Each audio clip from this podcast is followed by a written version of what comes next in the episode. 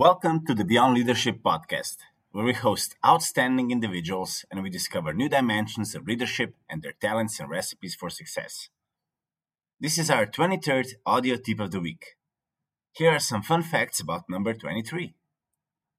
Did you know that the average lifespan of a human, whether male or female, is around 23,000 days or 63 years?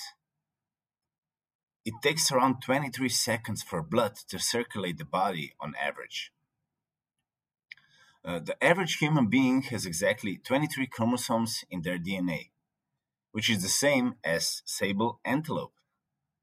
And the most common date to spot a UFO is actually July 23rd every year. Today's tip of the week is based on the article The Words Performance Review Scare You written by Sainer and Evans, published in March in 2021 in Harvard Business Review.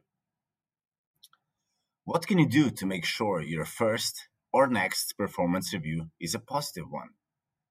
You should just focus on your work and let your hard earned talents and intelligence shine, right? Wrong.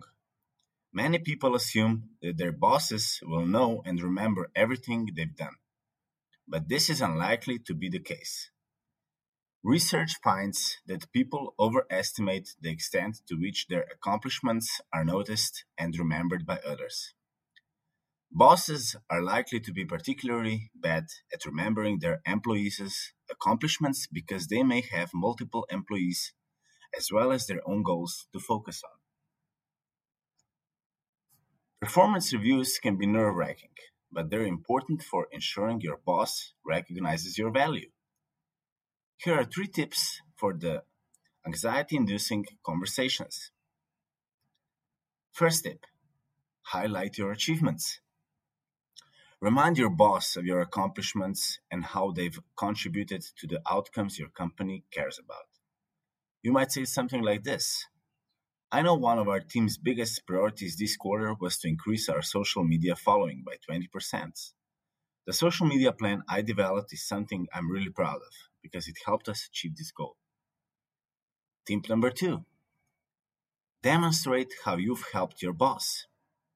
Remind them of times you've built upon their ideas, helped them execute their goals, and brought your own ideas to the table that helped advance their cause. And tip number three Re-emphasize your commitment to your organization. State your excitement about contributing to the future of the team and improving upon the work you've already done.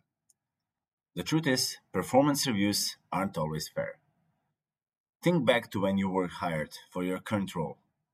It's important to understand that these elements of your performance will take time to build, and you will regularly have to maintain them if you want to continue to be evaluated positively. How do you prepare for performance reviews? What is your opinion about them? This was this week's tip of the week.